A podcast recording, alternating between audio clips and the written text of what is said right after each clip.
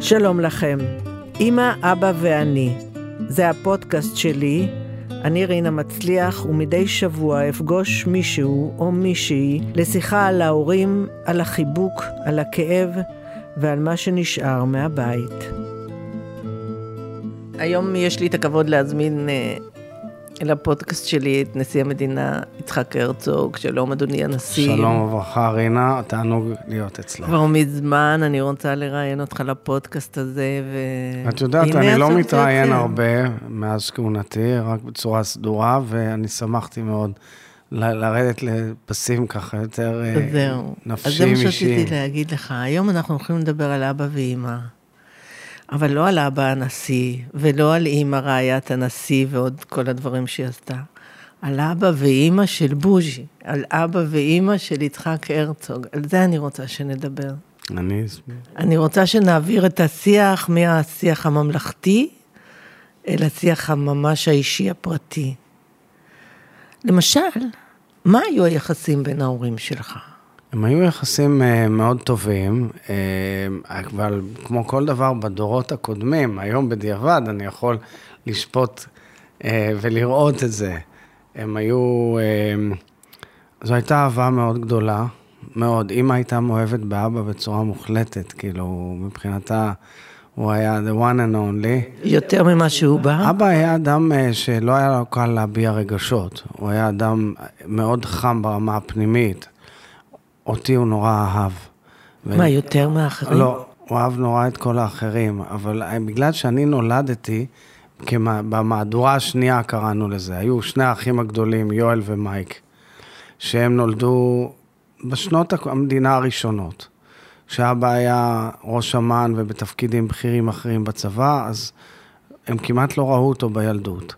אבא השתחרר, אני נולדתי, הוא עוד היה ראש אמ"ן, אבל הוא, אבל הוא השתחרר ב-62, הייתי בן שנתיים, והוא פנה ל, לעולם עסקים ולפרשנות ולכתיבה, והיה לו יותר זמן בשבילי בבית.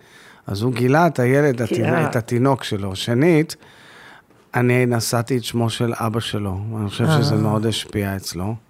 ושלישית, אה, קצת, קצת חיו יותר חיי רווחה, כי הוא התחיל לעבוד בגורם מסחרי שקשור למשפחת אז היה יותר וולפסון. כסף לפנק אז, אותך? הוא, אז היה, אני גדלתי עם הרבה תשומת לב מאבא, אה, וגם אחר כך גם והם- אחותי רונית.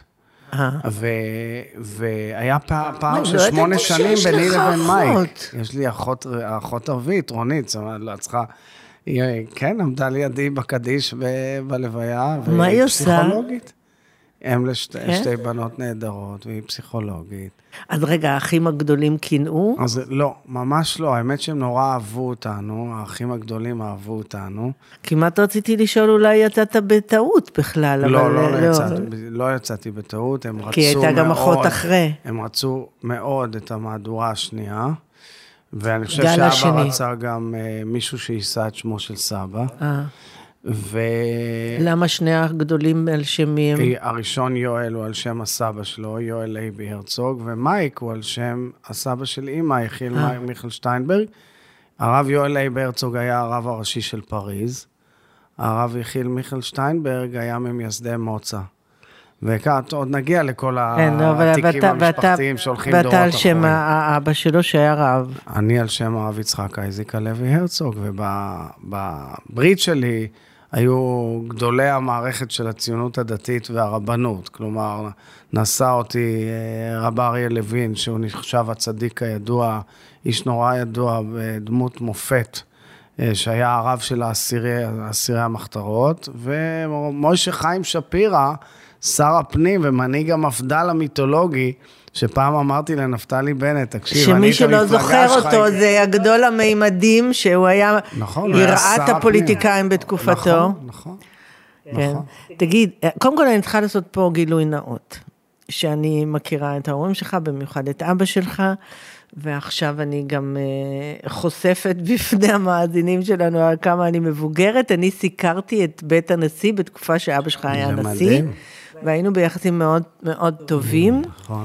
הראייה היא שכשסיימתי לכהן ככתבת בית הנשיא, הוא כתב לי מכתב עם העתק למנהלים שלי, עד כמה הייתי אה, עיתונאית טובה שסיקרה ברצינות ובהגינות, אני זוכרת את המילים שלו, את בית הנשיא. אז אני, אז אני, אז אני מכירה. אז למה אני שואלת על היחסים בין ההורים שלך? כי, כי אבא שלך היה נורא בריטי כזה. והאמת שהוא, לא- תקשיבי. אז כאילו, היה חום, היו בבית נשיקות, חיבוקים, ליטופים? בטירוף, יש תמונה של אבא מחזיק אותי, מחבק אותי כתינוק. אה, אני יכול להראות לך הרבה. אבל אבא היה כלפי חוץ, כלפי חוץ הוא שמר איזה איפוק ש... שהוא התרגל אליו גם מגיל צעיר, זה הולך ככה. הייתה לו אימא מדהימה, מאוד דומיננטית, הרבנית שרה הרצוג. הכרת אותה? בטח, היא, היא דמות שהשפיעה על חיי מאוד, היא נפטרה כשהייתי בצבא. היא הייתה דמות מופת, הרבנית הרצוג הייתה דמות מופת בירושלים, היא קיבלה היא הייתה אשת ציבור מאוד גדולה, סבתא, היא הייתה פמיניסטית, היא הקימה את תנועת האישה הדתית-לאומית, כן. הקימה את מוסדות אמונה, ובית חולים הרצוג, בכניסה לעיר אה, ירושלים, שזה בית החולים הפסיכיאטרי, נכון. גריאטרי הגדול בארץ, נכון. זה מפעל חיים שלה. וסבתא, כל החיים פנתה כלפי חוץ, הייתה מאוד מאוד, מה שאומרים באנגלית, outspoken, ידעה להתבטא ולהופיע, ו... ולהגיד דברים, והייתה אישה אליה? מאוד מאוד אדוקה, אישה קטנה. היית קשור אליה? מאוד, נורא אהבה אותי, והייתי בא אליה כל קיץ, והייתי רואה אותה, אני לא אשכח לעולם, אני תמיד מספר את זה. איך היא הייתה פותחת את הדלת לעניים ולנזקקים, ומטפלת בהם, ומלווה אותם, והייתה נוסעת איתי באוטובוס לכל מיני מקומות בירושלים, והיא נורא השפיעה, זה הייתה, הקראנו לה סבתא מירושלים. כי את הסבא לא זכיתי להכיר. עכשיו, הסבא היה אדם גאון ואיש איש אשכולות עצום, היה לו דוקטורט במדעים, והיה רב גדול. ואיך אבא שלך אבל הוא היה היה בגובה, אז אבא תמיד כותב, הוא לא ידע אפילו איך לרכוס נעליים. הוא היה בעולמו. היא עשתה את הכול. תגיד, ואיך אבא שלך היה עם אימא שלו? אבא אהב מאוד ונורא הריץ את אימא שלו. יש הספד מדהים שלו לאימא שלו. הוא טיפל בה? כן, ואנחנו הבאנו אותה, כשאבא היה שגריר באו"ם, הבאנו אותה לניו יורק. קראנו לזה סיבוב ניצחון. הלכנו, ב... עשינו לה אירועים גדולים, ועפנו איתה, לקחנו אותה לקונצרטים, וכאילו, עם האימא של השגריר, שהיה אז נורא פופולרי ב... וכשהיא מתה היית בצבא? הייתי בצבא, ומי שצלצל להודיע לי שהיא נפטרה, ההורים שלי היו אז בחו"ל באיזה מסע הרצאות, ואיתר אותי אבא אבן, הדוד שלי, ואמר, אני מבקש למסור לך, ואני מצטער למסור לך שסבתא שלך נפטרה. זה אבא אבן, למי שלא יודע, היה שר החוץ, וגם הוא היה אדם מאוד מאופק. תעשה עוד פעם את המבטא הזה של אבא אבן. הם היו מאוד מאופקים, כי הם גדלו בסביבה מאופקת. רגע, שחררו אותך מהצבא להלוויה של סבתא? ברור, כן, אבל הם, הם, מה זה צלצל? קיבלתי הודעה לצלצל דחוף לדוד שלי. לא ידעתי אפילו על מה, האמת לא, לא הבנתי אפילו על מה, לא התרתי, הייתי צריך לאתר את האחים שלי, אבל, אבל, וללוויה, כלומר, ההורים שלי חזרו מאמריקה, ללוויה הגיע ראש הממשלה, מנחם בגין. Mm. והוא על יד הקבר, הוא אמר לכולם, זאת אישה דגולה. עכשיו, אז תביני את כל הנסיבות חיים בין הפרטי לציבורי. אנחנו חונכנו מגיל צעיר, אבא, אבא חונך לשמור על איזשהו ריחוק ולרסן את, ה, את התגובות. לא, אבל נראה כאילו הציבורי השתלט לכם על חיי המשפחה באיזשהו אופן. הציבורי, זה מאוד מאוד מעניין, האמירה שלך, ואני תמיד אומר, שא', מה ששמר על הגרעין שלנו, של ההרצוג, אה, זה כמובן המסורת. את יודעת, אני אומר תמיד, ארוחות שישי, הקבלת שבת, שמר עלינו, כי בקלות יכולנו להתפרק כמו משפחות אבל אחרות. אבל אבא שלך לא היה דתי, הוא לא הלך ולעומת זאת, אצל אבן, שזו משפחה שמאוד קשורה אלינו, אבל הם, הם גרים בחו"ל, והם לא, היה יותר קשה לשמור על הגר. הם היו יותר חילונים. הם היו יותר חילונים, והם היו, ו, וכל, אנחנו, כל המשפחה שלנו, כאילו, הנת, הנתון הטבעי, גם יעקב הרצוג, הדוד שלי, היה מנכ"ל משרד ראש הממשלה כשהייתי ילד. אבל בוא, אבא שלך אז, לא היה דתי, הוא לא הלך עם כיפה, אתם נכון, לא אנחנו לא דתיים, אבל אנחנו מכבדי מסורת, איזה הבדל עצום. אבא, כן. הייתה לו ביקורת עצומה על הממסד הדתי הרבני, הוא ראה את זה מקרוב. הוא כותב שכשהעלו אותו, הוא שלחו אותו ארצה ללמוד בישיבת חברון, עוד לפני שסבא עלה. לפני שהוא נבחר להיות כן. רב ראשי, הוא בא מאירלנד, הוא כותב, הגעתי לימי הביניים. ככה הייתה התחושה, הוא בא מאירופה לממסד מאוד מאוד עתיק, ישן, בישיבת חברון. אבל אחר כך התגייס להגנה, כלומר, כל החיים שלו השתנו. תגיד, אתה זוכר את, ה... את הרוב ימיו? של אבא? בטח. אני הייתי עם אבא בימים האחרונים שלו גם. אז אבא, אבא פרש, והיה לו חיים מאוד uh, מכובדים אחרי שהוא פרש. הוא סיים את הנשיאות אחרי עשר שנים, בשנת 93. הוא אמר, היה הנשיא היחיד שהשלים עשר שנים. היחיד, באמת, חוץ מיצחק בן צבי, ושזר ובן צבי, אבל אחרי זה לא היו מאז. והוא השלים, ובאתי ביום הסיום שלו בשנת 83, לעזור, לעזור לו לארוז ולפרק את החדר. ואני מספר את זה היום לכל אדם שמסיים קדנציה. טלפנתי לרז נזרי וסיפרתי לו את הסיפור הזה בשבוע שעבר. אמרתי לו, אמרתי לאבא, אבא, איך אתה מרגיש? כי התחלנו לארוז, מורידים תמונה, שמים...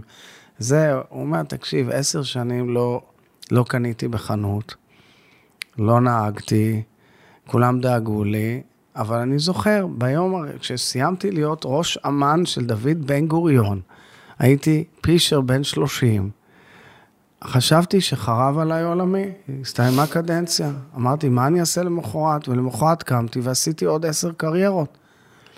והוא הוא, הוא בעצם אומר תמיד, צריך לעשות את המרב בדור הבא. בן כמה הוא היה? אה, הוא היה, אז הוא היה, מת, כשהוא היה... עזב את הנשיאות. אז כשהוא סיים את הנשיאות, אבא נפטר בגיל 78, אז הוא היה בן... זה היה בשנת 83, 93. אה, הוא סיים ונפטר ב-97, אז הוא היה בן 74 כשהוא סיים.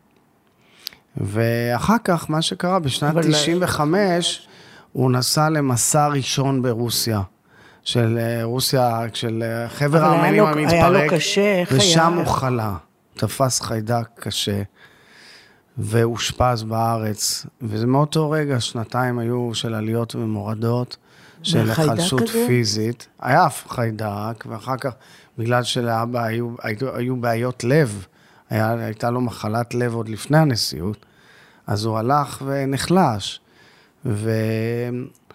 וחודשיים לפני שהוא נפטר, הוא נשא, נשא דברים באזכרה לדוד שלי, יעקב הרצוג, אחיו הצעיר, שהיה אדם מבריק, דיפלומט מבריק ואיש מדינה מבריק, והיה מנכ"ל משרד ראש הממשלה תקופה מאוד ארוכה, איש מיתולוגי. הוא נפטר בגיל 50, משבץ מוחי. והוא נשא הרצ... אה, נאום אה, בטקס הזיכרון, והיה לו קשה כבר לקרוא, וכבד עליו הנאום, ואז אני התחלתי להרגיש שהוא נחלש מאוד. והוא לא רצה לשמוע, הוא היה מגזע של פייטרים, והוא פשוט לא רצה לשמוע. הוא לא, לא רצה לשנות מאורחות חייו יותר מדי. ואז הוא אושפז בבית חולים ולא קם. אה, חטף התקף לב בבית חולים. אה, הוא חטף התקף לב? כן, אבל זה היה, הוא היה כבר כנראה חולה. היו שיחות פרידה? לא מספיק. אימא תמיד אמרה לי את זה, לא מספיק. דיברנו על זה. זה קצת חבוי בתוכי, קשה לי לדבר על זה, אבל זה לא מספיק. לא אמרת לו שאתה אוהב אותו? הוא תמיד ידע שאני אוהב אותו. הייתי מדבר איתו יום-יום. הייתי לא... מדבר איתו יום-יום. אני נורא האמנתי במצוות כיבוד הורים. וזה היה נורא חשוב. אבל בסוף לא דיברת איתו? לא חשבנו שהוא במצב סכנה. אני ראיתי אותו בבית החולים ודיברנו, הוא הראה, עוד דיברנו. ראינו חדשות, דרך אגב, ובדיוק הייתה, אני זוכר, פרשת ברון חברון, וכל מיני חדשות, והוא היה דואר לידו, הוא נתן לי דואר מכתבים שמצאתי אחרי מותו, אה, שעברתי עליהם. מאנשים ש... שהיה לו סיפור ממישהו שכתב לו על מפגש עם סבא שלי תוך כדי מלחמת השחרור. והוא לא ידע שזה הסוף, גם הוא לא ידע שזה... הוא לא הבין שזה הסוף, אנחנו קצת היינו בהדחקה, לא הבנו, כי חשבנו שיש לו מחלת לב. הוא היה בבית חולים כמה פעמים קודם ויצא מזה, ולא הבנו שזה בסכנה כזו. וזה היה, אפילו היינו די בהלם. אני הייתי בדרך למשרד שקיבלתי הודעה לחזור, להגיע מהר לבית החולים. ו... וזהו. אז יש, יש חרטות?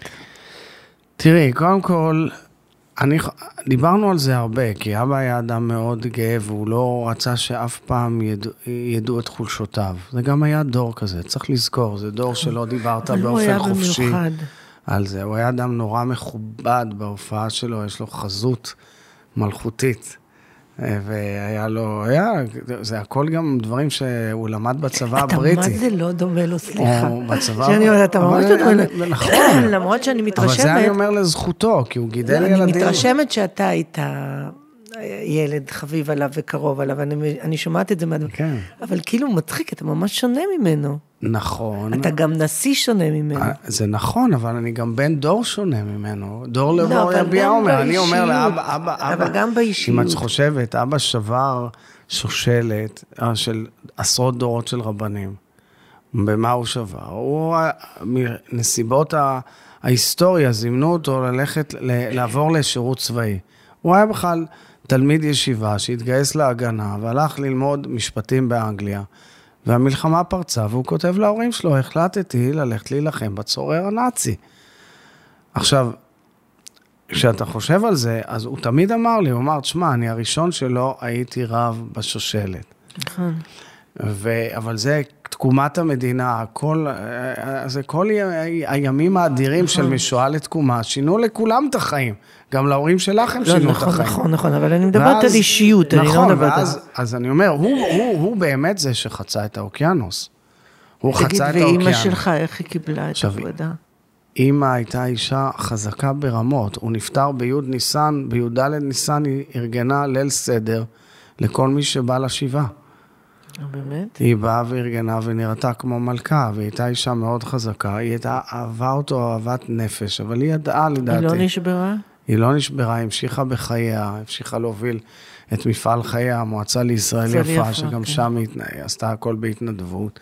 הופיעה, הייתה יו"ר חגיגות החמישים וכל מיני דברים כאלה. ו... ו... ועסקה בהנצחה של אבא. לאמא, אמא, אני הרבה מהתכונות ירשתי מאימא. לאמא הייתה אנרגיה מתפרצת. היא הייתה אישה שהראתה המון חום ל- לאנשים, וגם הייתה אישה לא קלה בכלל, לא בניהול ולא ידעה לשים את... אבל שימי לב, היא לעולם לא בלטה. גם מול היא הילדים? תמיד נתנה לאבא את, ה, את הכבוד.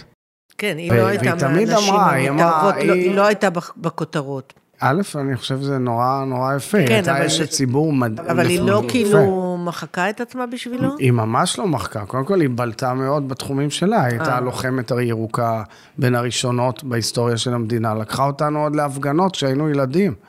אה. היא הייתה, אני זוכר סצנה שאימא נוהגת אותי לבית ספר, ויש, עוצרים ברמזור, והאוטו לפנינו, בן אדם פותח את החלון וזורק קופסת סיגריות. היא יוצאת מהאוטו, לוקחת את הקופסה, דופקת לו על החלון, הוא פותח, היא זורקת לו חזרה ואומרת לו, הכביש זה לא פח זבל. כי זה היה מפעל אתה חיה. יודע מה זה מזכיר לי? כשהייתי מ"פית בצבא, היינו לוקחים את הטירוניות ל... לטיול בירושלים, ואני הייתי באוטובוס הראשון, ואני רואה שזורקים קליפות תפוזים מהאוטובוסים. עצרתי את כל השיירה של כל הפלוגה?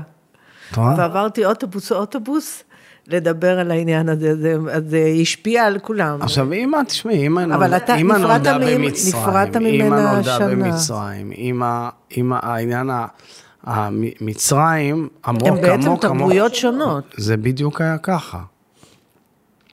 זה היה ככה, היא באה ממשפחה של חלוצים שהגיעו בעלייה השנייה וגורשו על ידי הטורקים, Mm-hmm. העות'מאנים, למצרים, וסבא שלי התחיל כמו יעקב אבינו, התחיל מכלום ונהיה המהנדס הראשי של תעלת סואץ, והיא דיברה עם המשפחה שלה צרפתית. אני זוכר. אתה יודע צרפתית? לא ממה, קומה סבא. זה היה השיחה השבועית לסבתא, לסבתא לאה, שבכלל נולדה במוצא.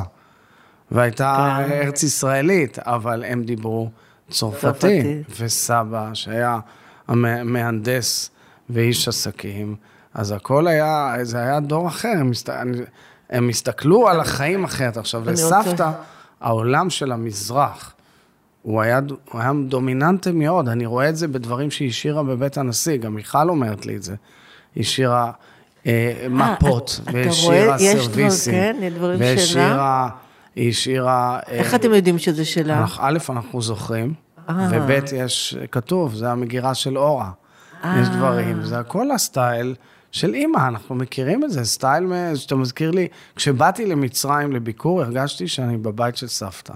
זה היה ברור לי, כאילו, כמו, כמו מישהו שנוסע, כמו שאת נסעת לתוניס. לתוניס, וראיתי, נכון. והרגשתי אין מה לעשות, אתה מקבל את זה. נכון. אז בעצם הם היו מיזוג של שני עולמות, ש, שהוא בא... אבל אתה היית יותר קרוב לעולם של אבא. תמיד הייתי קרוב מאוד לעולם של אבא, תמיד, והוא תמיד ידע שאני מעוניין בחיים ציבוריים מגיל אפס, פחות או יותר. זה חיידק שלא עוזב אותך. אבל לא, אבל, אבל הוא היה, הם היו דור, הוא וכל המקבילים לו, הגברים של אז, הם לא באמת התעניינו במה קורה בבית ספר עם הילדים שלהם, גם את זה צריך להבין. המדינה הייתה כל עולמם. ואז נשותיהם לקחו על עצמם את כל המסע הזה, ואנחנו דיברנו על זה לא מעט, גם עם ראומה אה, ויצמן וכל כל המשפחות אנשי הפלמח והצבא. תגיד, והשנה נפרדת מאמא. נכון. והשנים האחרונות שלה היו קשות. נכון. היו בינינו שיחות על זה הרבה נכון, פעמים. מאוד מאוד. את ואני מדברים הרבה על הזקנה, כן. הרבה שנים. נכון, והייתה, כי, כי אימא, בסוף, היא הייתה סבלה מאלצהיימר. והיא לא, אי לא אפשר, היא זיהתה לא אותך? דיברה. אז תראי, הרבה שנים עשינו מאמץ והיא הייתה מדברת, ו... ולאט לאט, והלכה ו... ודעכה. כי אתה יודע שזה בכיוון אחד. אמרתי בהשבעה שהיא מלמדת אותנו גם את הקשיים של, של הגיל שלה. זה ממש קשה, אבל לא? בסוף, זה פרידה בסוף- אכזרית, לא? זהו, ו- ולומר לה, אני, היא ראתה את ההשבעה שלי, אני לא יודע ולעולם לא אדע אם היא הבינה או לא הבינה.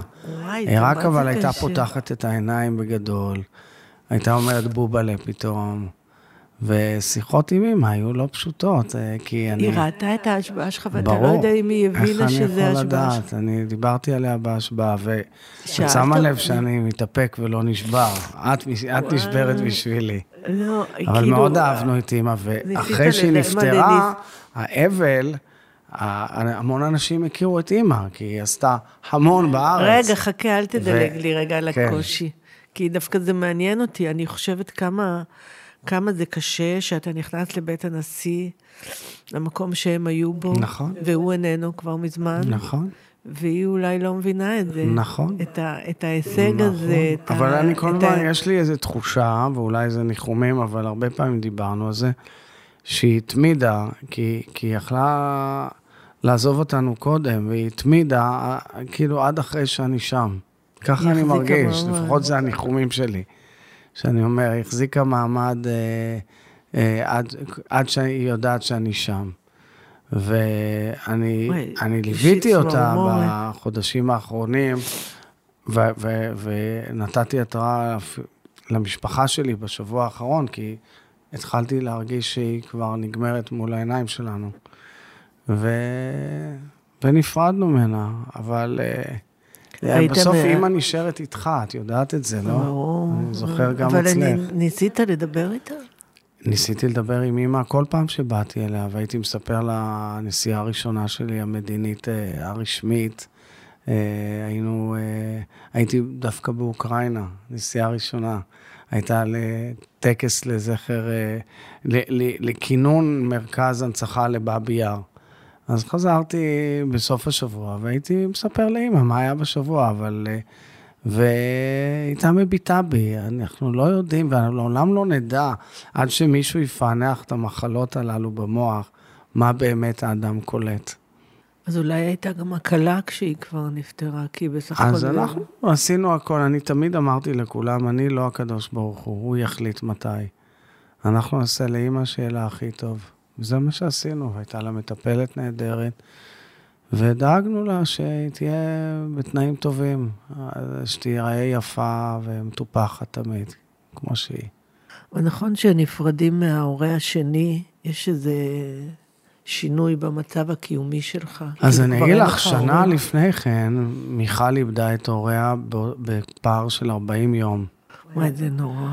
ואחד אחרי, והם היו נשואים 65 שנה.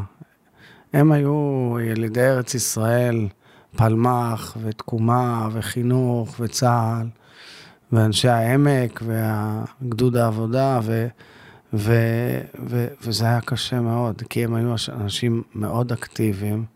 זה היה גם לי מאוד קשה. וליווינו, את יודעת, את כל התהליך. וזה היה לא פשוט בכלל. ומיכל חושבת שאולי הם לא רצו אה, להכביד עליה אפילו. וואי, זה... אבל הם סיימו, היה להם אה, חיים מלאים ומכובדים. והם עשו למען הכלל וגידלו בת נהדרת. אז אנחנו לא יכולים לשפוט את זה, הרי זה קיים משחר האנושות, אין לך אה. יכולת להתמודד עם זה, חוץ מלהבין שזה חלק מהחיים. בכית? כן, בהחלט. גם כשהם נפטרו וגם כשאימא נפטרה וגם כשאבא נפטר, בהחלט. ברור. על יד הילדים או לבד? האמת שבכיתי גם כשבאו לקחת את אימא. אז גם הצוותים הרפואיים ראו את זה. ככה זה. זה קשה. אבל זה החיים. אתה רואה לך, אנחנו גדלנו בבית מאופק, שלא הראו הרבה רגשות, ועל סוף החיים כמעט לא רצו לדבר. דווקא, אה. ו... וזהו, כשזה מגיע, מדברים על זה. את אבא שלך ראית פעם בוכה? לא. זה מעניין. ראיתי אותו נשבר כשהוא ספד לאימא שלו. אבל uh, לא. ותשמעי, צריך גם להבין, כשאתה מתחנך להיות קצין בצבא הבריטי ואחר כך בצבא ההגנה לישראל, מאמנים אותך ומגדלים אותך להיות קשוח. ולהקפיד לשמור על הרגשות בצורה מסוימת. אה, ולכן אה, אני חושב שהיה לו יותר קשה להראות רגשות באופן טבעי. לא הייתי לידו כשאחיו נפטר, והוא, היה לו מאוד קשה שאחיו נפטר, זה אני יודע. אבל אפשר לדבר גם על הדברים החיוביים, לא רק על העצובים. לא, אבל אתה יודע, זה, זה אומר הרבה, כאילו, על אנשים. אתה יודע, הפרידה גם איכשהו אה, משרטטת את החיים, אתה יודע. כן, אבל בסוף, תראי, אנחנו אנשים בדור הזה, אני מרגיש שהרגש הוא מאוד מאוד חשוב בחיים. גם מיכל. אנחנו באים לתפקיד ולכל משימה שלנו, באים מאהבה. ולכן אני רואה את כל את הפסיפס הישראלי, אני מאוד אוהב אותו. הוא עם מדהים. מיכל רואה... יותר ממך אפילו. בסדר, זה בכלל טבעי, היא בוכה מסעדות וסדרות טלוויזיה, נו. היא בוכה אוטומטית בסרטים. לא, אבל כן, אני בתור מי שכאילו חוותה את הנשיאות של ההורים שלך, ואני חווה את הנשיאות שלכם. כן, אבל זה גם, תשמעי, זה גם דור. אבא, כשאתה רואה, אבא נכנס... ההורים שלך היו מאוד מרוחקים. הם לא היו, הם היו אנשים מאוד מאוד חמים, אבל היה מכובדות אחרת בדור ההוא. תזכרי, גם מה... תזכרי, אבא נכנס למחנות הריכוז בברגן בלזן. לא, אבל תגיד, אני אחר כך סיקרתי את עזר ויצמן, והוא היה, צחוקים היה בבית הנשיא, ואבא שלך היה... בסדר, אבל עזר גם היו לו בהקשר הזה, אני מאוד אהבתי את עזר, ומאוד לא, רציתי, לא, אבל עזר גם, הם שמרו עליהם, הם לא רצו ליפול. אתה נכנסת לבית הנשיא כשההורים שלך היו שם, הרגשת שאתה נכנס לבית בריטי כזה, אתה מתנהל על קצות... אנחנו לא מתביישים במורשת הזאת. כן, על קצות האצבעות. בסדר, לא מתביישים במורשת. לא, זה סבבה, אני רק נותנת לך.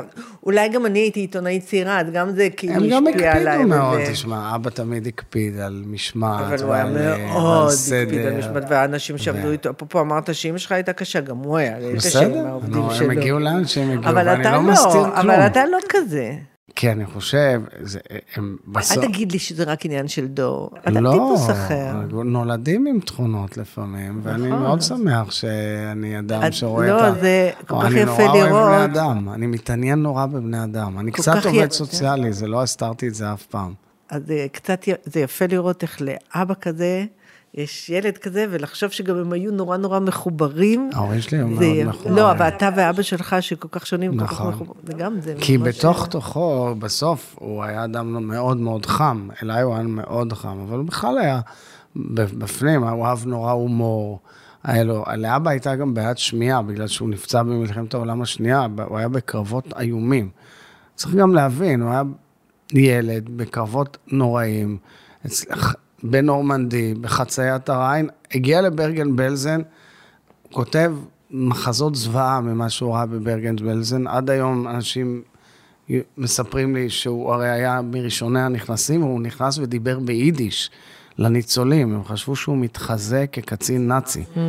ואז לאט לאט הוא הרגיע אותם, והרגיע להם אוכל ותפילה וכל מיני דברים, והביא טלית ותפילין. לאחרונה היה אצלי ניצול כזה שכתב את זה בספרו. וואו. ואז הוא ראה את הכל, הוא ראה דברים. אחר כך לחם, קרוב עש- לעשר שנים הוא נחם. הרי הגיע לארץ, נלחם. קרוב לעשר שנים רצוף הוא לחם, אז, אז זה לא מקשיח אותך. לא. ברור כן, שזה מקשיח נכון. אותך. אבל אני רוצה לשאול אותך, בתוכך. אנחנו הרי, אנחנו שרשרת בתוך אה, נכון, חוליה בשרשרת של הדורות. נכון. ואנחנו נושאים איזה מסע אה, גנטי אה, של מדור לדור. אז בוא תגיד לי דבר אחד שאתה, חשוב לך להעביר לילדים שלך מההורים שלך. טוב, זו שאלה נפלאה, אני אענה עליה, אבל אני אגיד משהו על הגנטיקה. זה מאוד מאוד מעניין מה שאת אומרת, כי אני חושב שבתוכי מתרוצצות, או מתרוצצים כל מיני גנים. כי הסיפור של המשפחות של אימא ואבא הוא סיפור שהולך... לא, אבל אני מדברת דווקא על גן ערכי. לא, אני, גן. אבל גם, גם מה שהם ספגו מכל מיני מקומות שהם היו לאורך ההיסטוריה. אנחנו מצליחים, לא כל אחד מצליח, אנחנו מצליחים להגיע לתיעוד של מאות שנים אחורה של שתי המשפחות. ובגלל שאנחנו מצליחים להגיע, אנחנו מגיעים לגירוש ספרד, ואנחנו מגיעים לאיטליה, מגיעים לרוסיה ולצרפת ולאנגליה ולמה לא, והכל, המשפחה הכל שלה, מתרוצץ של אבא. שלי גם באיטליה. לא, אבל אני מתכוונת גן ערכי, לא נכון, גן... עכשיו, אה, הד... הדבר שהכי חשוב, ואנחנו יודעים שאנחנו עושים את זה, זה להנחיל את אהבת המדינה והעם לדור, לדור הבא. והילדים שלנו גם עושים את שלהם, והם גם משרתים ותורמים כל אחד בדרכו, והם גם מחויבים מאוד לנושא הזה, ואני מאוד, ובתוך זה אני מכניס גם את המסורת היהודית, שהיא אלמנט מרכזי בחיים שלנו. אז אימא תמיד אמרה לי, אימא אמרה לי, תקשיב, גדלתי בבית לא דתי. אבא שלה, אה, לא, הוא הסיר את כל סממני הדת בחייו. סבתא הייתה, אימא שלה כן שמרה, שמרה מאוד. והיא אמרה לי תמיד, אבל בסוף אנחנו תמיד מוצאים את שביל הזהב, וזה בעצם מה שאני מנסה לומר לכולם. תפסת מרובה לא תפסת, יש שביל זהב ביהדות, תקראו רמב"ם ותבינו את זה. אני כל כך מסכימה איתך.